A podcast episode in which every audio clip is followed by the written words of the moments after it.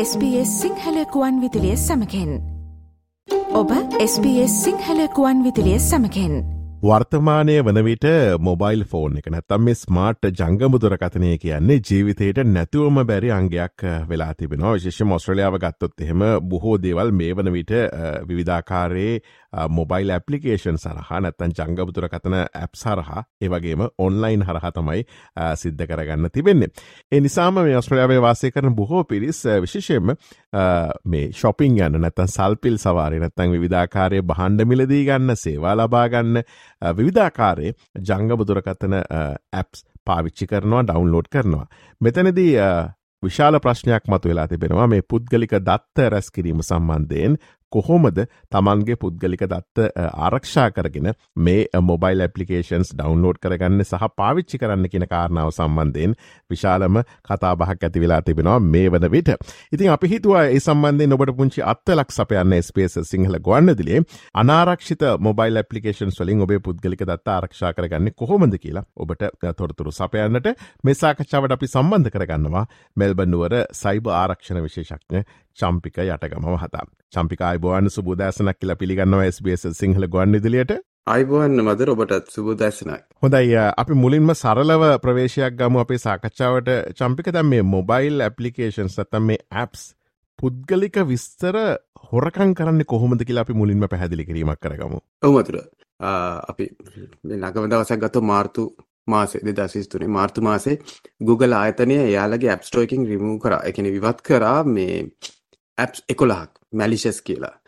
මොකද Google play එකේ ඒ apps තිබුණේ මිනිස්සුන් ගොඩ දෙනෙක් එය ඉන්ස්ටෝල් කරගෙන තිබුණේ ඒකින් කරන්නේ අර අපි කියනවා ප්‍රොඩක්ටිවිටි පොපිල ගේම් සේවා එකක නමතිවන පියානෝ ටයිල්ස් තව එකත් වන ටඩ ලිස්ට ඉදි අර මිනිසු තමන්ගේ වැඩ මත තියන ටඩ ලිස් දැන් ප්‍රශ්නිතිවුණේ ඒ ඒක ඉන්ස්ටෝල් කරගත්තර මදුර එය පිටිපස්සිඳගෙන මේ ඇප්ස්වලින් මිනිසුන්ගේ නම් ෆෝන් නම්බ කටක් ලිස් ඔක්කොමටික හොරකන් කරන හොරකන් කල යාලගේ තර්ඩ පාටිසල්ට යවනවා. කල්ල ඒකින් තමයි ඔුන්ගේ බිස්නස් මොඩ් එක කරන්නේ. නම මිනිසු හිතන්නේ මෙව නිකං ටඩු එකක් එමන්න පොඩි ගේම් එකක් කියල.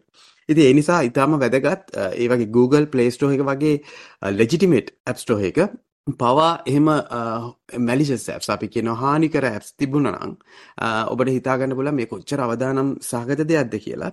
ඉතිං දැන් මතුරගේ ප්‍රශ්නයට යොමු වෙනවා. කොහොමද මේ හොරකං කරන්න කියලා. කවුරහරි අපයක් ඉන්ස්ටෝල් කරන්න කිවොත් මේක හොඳ කිවොත් ඒක හොඳ අපේකින්ද එමන හොඳ ඇප්ස්ටෝහකින්ද ගන්න? මේක ට්‍රස්ටඩ් මේක රිවියස්ම බැලුවද? එම නැත්තන් නිකන් කවුරු දැක්ක පලියට ම ආසාාවට මේක ඩවන්ලෝඩ් කරා එක ම ප්‍රයිවිසි පොලිසිය එක බැලුවද? මොනවද ඒගොල්ලො ගන්න? ඒ ගත්ත දත්ත තුන්ගනි පාර්ශවකට තර්ඩ් පාටියකට ගොල යවනවද?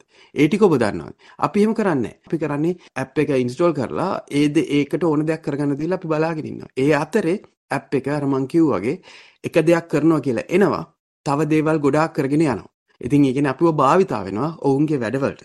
මහිතනි මදුර ඒක හොඳ ප්‍රවේශයක් වෙන්න ඇති. ඇයි ඇප්ස් භයානක? ඇයි අපි පරිස්සම් වෙන්න ඕනේ සහ කොහොමද ඒගොල්ල අපිට නොකිය අපේ පුද්ගලික දත්ත හොරකන් කරන්න කිය. හොඳයි චම්පික දැන් මේ පුද්ගලික දත්ත මේ ඇප්සලිං රැස් කර ගැනීම අපි වලක්ව ගන්න කොහොද මොකද මොබයිල් ඇපලිකේන්ස් නැතුව අපිට ජංගමුදුරකතනේ බොහෝ කාර්යන්න සිද්ධ කරගන්නට අමාරුයි. මේ ප්‍රායෝගික ප්‍රශ්නයට මොකක්ද තියෙන උත්තරේ. ඒත් දැන් මේ පෙබරවාරි මාසේ තිබුණ. ඔබ දන්න දැන්ව කිව්වාර් ප්‍රීඩස් කියනක හරි ප්‍රචලිතුනාන මේ කොවිඩ් කාලෙමද විශ්වාස කරන්න මේ දෙදස් එසිතුනි පෙබරවාරි මාස කිවර් කෝඩ ීඩ කියලා අප තිබුණ. එක මිලියන් වාරකට වඩා Google පලේස්ටෝකින් ඉන්ස්ටෝල් කල තිබුණා. මේකෙත් පිටි පසිඳගෙන පුද්ගලික විස්තර හොරකං කල තිබුණ. ෆෝන් නම්බර්ස් කැන්ටක් ලිස් ආදිය. හැබැ පෙන්න්නන්නේ කෝඩ් කිවර් කෝඩ්ඩක් ගන්න ඔබ කිව්ව හරි. ඉතින් අපි කොහොමද මේකින් මේ මේ දේවල් හරි අපි හැමදාම දිනපත අපි කී දෙනෙක් නේද අපි දවසකට කොච්චර ඇප්පේ මිස්ටෝ කරගන්නද අපේ කාර්යන්ස් පහසු කරගන්න දේවල් කිහිපයක් තියෙනවා ලේසියම කරන්න පුළුවන් මම ඒ දේවල් ගැන කියන්න. ඒ දැන් මුලින්ම එක තමයි දැන් අපි හිතමු ඇප් එකක් ඉන්ස්ටෝල් කරන්න හදනවා කියලා. එතකොට මම සාමාන්‍ය කරන දේ තමයි ඒකේ රිවිව්ස් මම බලනවා. අනිත් එක වැදගත් කාරණේ මේක ඉතාම වැදගත්. ඒක අපි යන්න ඕනේ අපි ට්‍රස්ටඩ් ඇප් ස්ටෝර් කියලා කියන්නේ. ඒ කියන්නේ දැන් Google නම් Android phone එක නම් අපි කියන Google Play. එතකොට මේ Apple නම් iOS Store එක. එතකොට ඊට අමතරව third party app stores වලට යන්න එපා කියලා මම තරයේ කියා සිටිනවා. මොකද එතන තමයි හොර වැඩ ගොඩක් වෙන්නේ. දැන් එතකොට ලොකු අවදානම් කලාපයක් අවසන්. දැන් අපි ඉන්නේ ට්‍රස්ටඩ් ඇප් ස්ටෝර් වල විතර. එතකොට ඒකේ තියෙන ඔක්කොම පරිස්සම්ද නැහැ. මං කලින් කිව්වා වගේ එතනත් ඉන්නවා එයාලගේ ආරක්ෂිත දැලෙන් රිංගලා ගියපු හොර ඒවා. එතකොට ඇප් එකක් ඉන්ස්ටෝල් කරන්න කලින් අපි ගිහිල්ලා සාමාන්‍යයෙන් රිවිව්ස් බලන්න පුළුවන්. එතකොට සමහර රිවිව්ස් වල තියෙනවා මිනිස්සු බැනලා. ඒ කියන්නේ මේක අපි හිතුවට මෙහෙමයි කියලා ඔයාලා මෙහෙම මෙහෙම කරනවා එහෙම කියලා. ඉතින් ඒකින්ද ඇප් රිවිව් එකක් මුලින්ම බලන්න. ඒ තමයි මම නම් මුලින්ම කරන්නේ. ඊට පස්සේ ඇප් එකේ අපි ගොඩ දෙනෙක් මේක කරන්නේ නැහැ. හරි කම්මැලි වැඩක් කියලා. නමුත් ප්‍රයිවසි පොලිසි එක බලන්න ඕන. එතකොට අහු වෙනවා හොර. එතකොට සමහර අය මේ ඇප් එක අපිට නිකන් දෙන්නේ. මේක ගොඩක් වෙලාට වෙන්නේ ෆ්‍රී ඇප්ස් වල. අපි ගොඩක් අපි ඉන්ස්ටෝල් කරන්නේ ෆ්‍රී ඇප්ස් වල. අපි ඇත්ත කතා කරමු. ගොඩක් වෙලාට ඉතින් ඒ ඇප්ස් වල තියෙනවා ප්‍රයිවසි පොලිසියේ කියලා ඔවුන් මේ ඇප්ස් වලින් එකතු කරන පුද්ගලික දත්වලට කරන්නේ මොකද්ද කියලා. සමහරු පැහැදිලිවම කියලා තියෙනවා මේක කිසිම තර්ඩ් පාර්ටි එකකට තුන්වෙනි පාර්ශ්වයකට යන්නේ නැහැ කියලා. සමහරු පැහැදිලිවම කියලා තියෙනවා මේ දේවල් අපි විකුණනවා. එහෙම කියලා. එතකොට ඔබ කම්ෆර්ටබල් නැත්නම් එතකොට ඒගොල්ලෝ කියලා තියෙනවා මොන දත්තද එකතු කරන්න කියලා. ඔබ ඒකට සූදානම් නැත්නම් ඔයා ඒ ඇප් එක නැතුව වෙන ඇප් එකක් ඔබට පුළුවන් ඉන්ස්ටෝල් කරගන්න. අනිත් එක ඉන්ස්ටෝල් කරනකොට මදුර එයා අහනවා මෙන්න මේ මේ මේ දේවල් වලට තමයි අපිට පර්මිෂන් ඕනි කියලා. අපිටම ටෝච් ඇප් එකක් කියලා. ටෝච් ඇප් එකක් අපිට ටෝච් එක වැදගත් නම් මම උදාහරණයකට ගත්තේ සාමාන්‍යයෙන් ටෝච් එක කොහොමත් වෙනවා ෆෝන් එකේ. නමුත් අපි හිතමු එතකොට එයාට අවශ්‍යද අපේ ලොකේෂන් එක. එයාට අවශ්‍යද අපේ ෆොටෝස් ඇක්සස් කරන්න. ඉතින් එයා ඒවට අවසර ඉල්ලනවා නම් අන්න එතන සැකයක් තියෙනවා. ඉතින් ඒ වගේ අපි බලන්න ඕන අර පර්මිෂන්ස් මොනවද කියලා. මොකද අපි බලන්න ඕනේ මොන දෙයටද එන්නේ අපි මොන දෙයටද ඉඩ දෙන්නේ කියලා. ඊට පස්සේ අර ඔක්කොම ඇප්ස් ටික අප් ටු ඩේට් තියාගන්න. ඒකට ඒක ඉතාමත් වැදගත්. ඔබේ ඔපරේටින් සිස්ටම් එකේ හැමතිස්සෙම ආවොත් දැන් අප්ඩේට් එකක් ඇවිල්ලා තියෙන්නේ කියලා කවදාවත් ඒක කල් දාන්න එපා. ඒක අපි හැමෝම හිතනවා පස්සට පස්සට ස්නූස් කරනවා. එහෙම කරන්න එපා. එකන ඒව පුළුවන් ඔටෝමටික් අප්ඩේට්ස් දාන්න මොකද ඒ තරම් වැදගත් ඔය අපි කියන බග් ෆික්සස් කියලා කියන්නේ පොඩි පොඩි සොෆ්ට්වෙයාර් එකේ අඩුපාඩු හදනවට අමතරව උන් සිකියුරිටි ඔබ බල ඔබ කියවුවොත් ඒ ඇයි අප්ඩේට් එක ඕන කියලා ඔය හැමදාම කියන සිකියුරිටි එන්හැන්ස්මන්ට්ස් කියලා. ඉතින් ඒ නිසා ඔබ පුළුවන් තරම් උත්සාහ කරන්න ඒ දේවල් කරන්න. ඊට පස්සේ අපිට පුළුවන් දැන් සෙකුරිට ඇන්ටිවරස් ඇප්ස් පාවිච්චි කරන්න දැන් ගොඩ දෙනෙක් සමලට ම දන්න ඉන්න ඇපල් ෆෝන් පාචි කන හිතනවා එයාට අවශ්‍යනෑ කියර නමුත් ඇත්ත කතාව ඇපල් පවා පස්සේ ඔවුන් හොයාගන්නවා ඔවුන්ගේ පවා වන්නර්බිටිස් තිනවා හෝල්ස් තිනවා ඉතින් ඒ දේවල් මැනිපිලෙට් කළ ඒ දේවල් හරහරිංගන ඇප්සෙනවා ඒගොල්ලෝ ඉක්මනට ඒක රිමූව් කරනවා තමයි. නමුත් ඒ වෙනකොට අපිට හානි වෙලා ඉවරයි. ඒ නිසා ඔබ භාවිතා කරන්න කරන්නේ මොන ඔපරේටින් සිස්ටම් එකකුණත් අදාළ නැහැ. ඔබට පුළුවන් නම් හොඳ ඇන්ටිවයිරස් um, uh, හරි සෙකුරිටි ටූල්ලයක් හරි ඉන්ස්ටෝල් කරගන්න නොමිලේ හොඳ ඒව තියෙනවා. Uh, සහ ඒ ගැන ඔබට පර්යේෂණ කරන්න පුළුවන් අන්තර්ජාලය හරහා ඉතා හොඳ uh, නොමිලේ තිය නැප්ස් තිනවා ඉට අමතර මිලට තිය නැප්ස් පවා තියනවා. ඉන්ස්ටෝල්ඩ් ඇප්සුත් අපි රිවියව් කරන්න ඕන්. තැන් සමාලාට සමාර ඇප් එක අපි ඉන්ස්ටෝල් කර ඔහේ ෆෝන් එක තියෙනවා අවුරුදු ගණන්. අවශ්‍ය නැත්නම් නිකන් ඉන්න වෙලාවකට ඔය ඔය හරි ඉන්නකට නිකන් ඉන්නකොට පුළුවන් නම් ෆෝන් එක through ගිහිල්ලා බලන්න මේ මොන apps ද මට ඕනේ කියලා. අවශ්‍ය නැත්නම් එහෙම uninstall කරලා දාන්න. ඉතින් ඒ දේවල් කරාම ඔබට සාමාන්‍යයෙන් සාමාන්‍ය ලොකු ආරක්ෂාවක් ලැබෙනවා. ඒ කරපු පළියට මදි.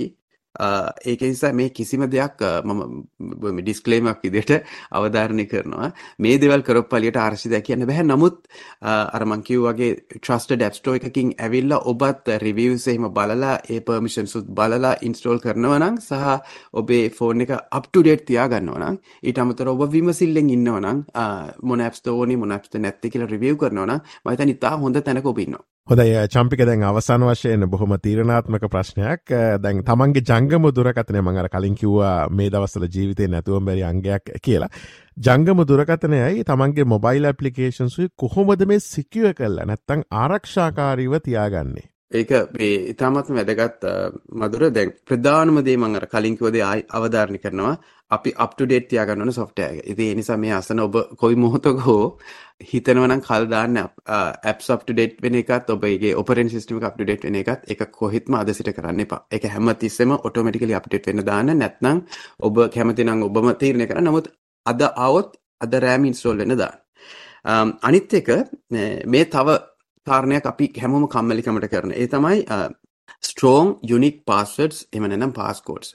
ඔගොල්ලෝ දකිනවා ගොඩක් අයගේ ෆෝන් වල තියෙන්නේ නිකන් හැමෝම ඉස්සරහා ගහනවත් එක්ක මధుර දැකලා ඇති 1 2 3 4 හරි මොකක් හරි එයාට ඕන ඒ කියන්නේ කාටවත් පේනවා. සමහරවිට ඒකේ තියෙන පැටර්න් එක පවා අනිත් අයට පේන්න තමයි ගහන්නේ. ඉතින් එහෙම කරන්න එපා. පුළුවන් තරම් උපරිම උත්සාහයක් ගන්න. එය ස්ට්‍රෝන් පාස්වඩයක් කරගන්න පැටන් එකක් හෝ පාස්කෝඩ්ඩයක් නම් ඒකත් කාටවත් එක ෂයා නොකර ඉන්න. වඩා හොඳයි බයෝමෙට්‍රික් ඔතෙන්ටිකේෂන් ඔබ දන්නවර ඇඟිලි සලකුණු හරහා. එහෙම නැත්නම් අයිරිස් ඇස් um, ඇස් uh, ස්කෑන් කරලා ගන්න දේවල් හරහා එහෙම ෆෝන් එක ඔන් වෙන uh, බයෝමෙට්‍රික් ලව් කරලා තියෙනවනම් ඒකට යන්න. මොකද එතකොට ගොඩක් වෙලාට කෙනෙක් ෆෝන් එක හොරකම් කරත් අර කම්ප්ලෙක්ස් පාස්වර්ඩ් එකක් සහ බයෝමෙට්‍රික් එකක් නම් ඇතුළට යන පාර තියෙන්නේ. ඇත්තටම අර දොර හොඳට ඉබ්බ දාලා ලොක් කරපු වගේ තත්ත්වයක් ඒක. අනිත් මූලික කාරණේ තමයි ඊට පස්සේ අපි ගේ සෙකියෝ කරගත්තට පස්සේ ගෙට ඇතුළට එන පීසා ගේන එක්කෙනා AC හදන්නේ එක්කෙනා ඒගොල්ලෝ තමයි ඇප්ස් ටික. ඉතින් ඒවා අර මං කලින් කිව්වා අයිත් කියන්න අවශ්‍ය නැහැ. trusted sources වලින් තමයි විතරක් ඉන්ස්ටෝල් කරගන්න ඊට පස්සේ අර නැවත අවධානය කරනවා ඒ ඇප් පර්මිෂන්ස් තියාගන්න නැවතත් අවධාරණය කරනවා සෙකුරිටි ටූල් එකක් ඉන්ස්ටෝල් කරලා තියාගන්න ඊට පස්සේ අපි සමහරලාට මధుර දන්නවා ඇති එයාපෝට් එකට එහෙම ගියාම අපිට සමහරලාට අපේ ඉන්ටර්නෙට් එහෙම නැත්නම් අපි තුමු සිංගප්පූරුවට ගියා. එතන අපේ මොබයිල් ඩාටා වැඩ කරන්නේ නැහැනේ අපිට ඉන්ටර්නෙට් යන්න ඕනේ. ඉතින් ඒ වෙලාවට ගොඩක් අය කරන්නේ ෆ්‍රී Wi-Fi කනෙක්ට් කරගන්නවා. මේ දන්න අය දන්නවා rogue Wi-Fi hotspots තියෙනවා. ඉතින් ඒ කියන්නේ ඇත්ත එක නෙවෙයි මේ වෙන එක්කෙනෙක් ඉන්ස්ටෝල් කරලා තියෙන්නේ. එතකොට අපි ඒකට කනෙක්ට් වුනහම එයාගේ කනෙක්ෂන් එකට යන්නේ. එතකොට අපි ටයිප් කරන ඔක්කොම මේ මනුස්සට පේනවා. ඉතින් මේක ලොකු ප්‍රශ්නයක්. හැබැයි සමහරවිට අපිට ඇත්තටම ෆ්‍රී Wi-Fi වලට යන්නත් වෙනවා. සමහරවිට හොටෙල් එකක වගේ වෙන්න පුළුවන්. අන්න ඒකට මතක තියාගන්න. ඔබ ගාව trusted VPNs app එකක් තියාගන්න. ඒකත් ඔබට රිසර්ච් කරලා හොයාගන්න පුළුවන් රිවිව්ස් බලලා හොඳ එකක්. එතකොට කොහේ හරි අනාරක්ෂිත නෙට්වර්ක් එකකට කනෙක්ට් වුණා අනාරක්ෂිත හෝ ඔබට ෂුවර් නැති ඔබට සහතික නැති නෙට්වර්ක් එකට කනෙක්ට් වුණාම ඔබ කනෙක්ට් වෙන්නේ VPN එක හරහා. එතකොට ඒක නිකන් අර නාලයක් හරහා යනවා වගේ ඒක ඇතුලෙන් තමයි යන්නේ අනිත් අයට පිට ඉන්න අයට ඒක එන්ක්‍රිප්ටඩ් channel එකක් නිසා ඒක පේන්නේ නැහැ. ඔබ දන්නවා අපි දන්නවා කප්පම් වෛරස් ආදිය තියෙනවා. ඒකෙන් ඔබේ ෆෝන් එකේ තියෙන ෆොටෝ ඔක්කොම ටික ලොක් කරලා ඒගොල්ලෝ වන්දි ඉල්ලන්න ඉඩ තියෙනවා. ඒ නිසා ඔබ බෑකප් කරගන්න ඔබේ දත්ත. සමහරට Android අය නම් දන්නවා Google Drive එකට ඔබට පුළුවන් ඔබේ ෆොටෝස් ඔක්කොම ඔටෝමැටිකලි යන්න තියන්න. එතකොට කවුරු හරි මොකක් හරි හේතුවකින් ෆෝන් එකේ ප්‍රශ්නයක් වුණොත් ඒක අපි හිතමු කප්පම් වෛරස් එකේ රැන්සම් වෙයාර් එකට අහු වුණොත් ඕ වෙනත් ප්‍රශ්නයක් ඉඳ ෆෝන් එක නැති වුණොත් ඔබට ප්‍රශ්නයක් නැහැ ඔබේ දත්ත ටික ඔක්කොම ටික එතන තියෙනවා. අනිත් ප්‍රධාන දේ ඇප්ස් වගේම ඇතුළට එන අනිත් විදිය ඔබ හැමදාම අපි කතා කරන දෙයක් ලින්ක්ස් ක්ලික් කරනවා. සමහර පොලිසියෙන් දඩයක් ආව මේක ක්ලික් කරන්න ඉක්මනට මේ බිල ගෙවන්නේ වගේ පොරුවට එවන අපි ඒවට කියන්නේ ෆිෂිං ලින්ක්ස් කියලා. ඒව ක්ලික් කරාට පස්සේ සමහරලාට එයාලා අපිව මැලිෂස් වෙබ්සයිට් එකකට ගෙනියනවා. එහෙම නැත්නම් ඩවුන්ලෝඩ් කරනවා මැලිෂස් ඇප් එකක්. හරි සොෆ්ට්වෙයාර් එකක් හරි. මේව හරි ප්‍රශ්නයක් කරලා තිබුණා ළඟක් වෙන ගමන් ඔබ දන්නවා සමහර SMS හරහා ඇවිල්ලා මැලිෂස් ඇප් ඩවුන්ලෝඩ් කරලා ඒකෙන් පස්සේ ෆෝන් එකේ තියෙන දත්ත හොරකම් කරපු අවස්ථාවක් මේ ළඟදී ආවා මේ රජයෙන් විශාල ලෙස අනුතුරුවඟ වන තත්ත්වයක් වුණා. ඊට අමතරව අවසාන වශයෙන් කියන්න තියෙන්නේ educate yourself.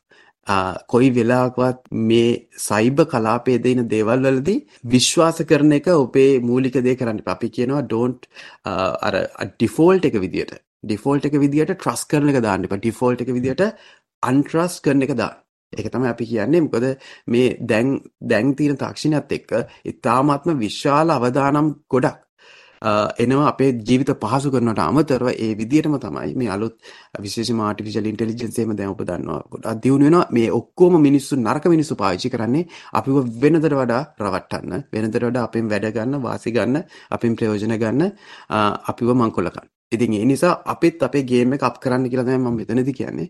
හැමතිස්සම විමසිල්ලෙන් සැකෙන් බල හොඳයි අපි කතා බහ කරමින් පසුයේ මේ අනාරක්ෂිත මොබයිල් ඇපලිකේන්ස් වලින් ඔබේ පුද්ගලික දත් ආරක්ෂා කරගන්න කොහොමද කියන කාරණාව සම්බන්ධයෙන් මේ සාකච්ඡාවට ස්පේස් සිංහල ගුවන් ඉදිරියට දායක වුණේ පෙල්බනුවර සයිභාරක්ෂණ විශේෂක්ඥ චම්පික යටක බමහතා චම්පික බොහොමත්ම සූතිවන්තෙනවා ඔබේ විශේෂක්ඥ දැනම අපිත් සමඟ බෙදාහදාගත්තාට සුබ දවසක් ප්‍රාර්ථනා කරනවා. ඔබටත් සුබ දවසක් මදුර. SBS SBS SBS SBS SBS SBS Radio ලයි කරන්න ෂයා කරන්න අදහස් ප්‍රකාශ කරන්න SBS සිංහල ෆස්බුක් පිටුව ෆලෝ කරන්න.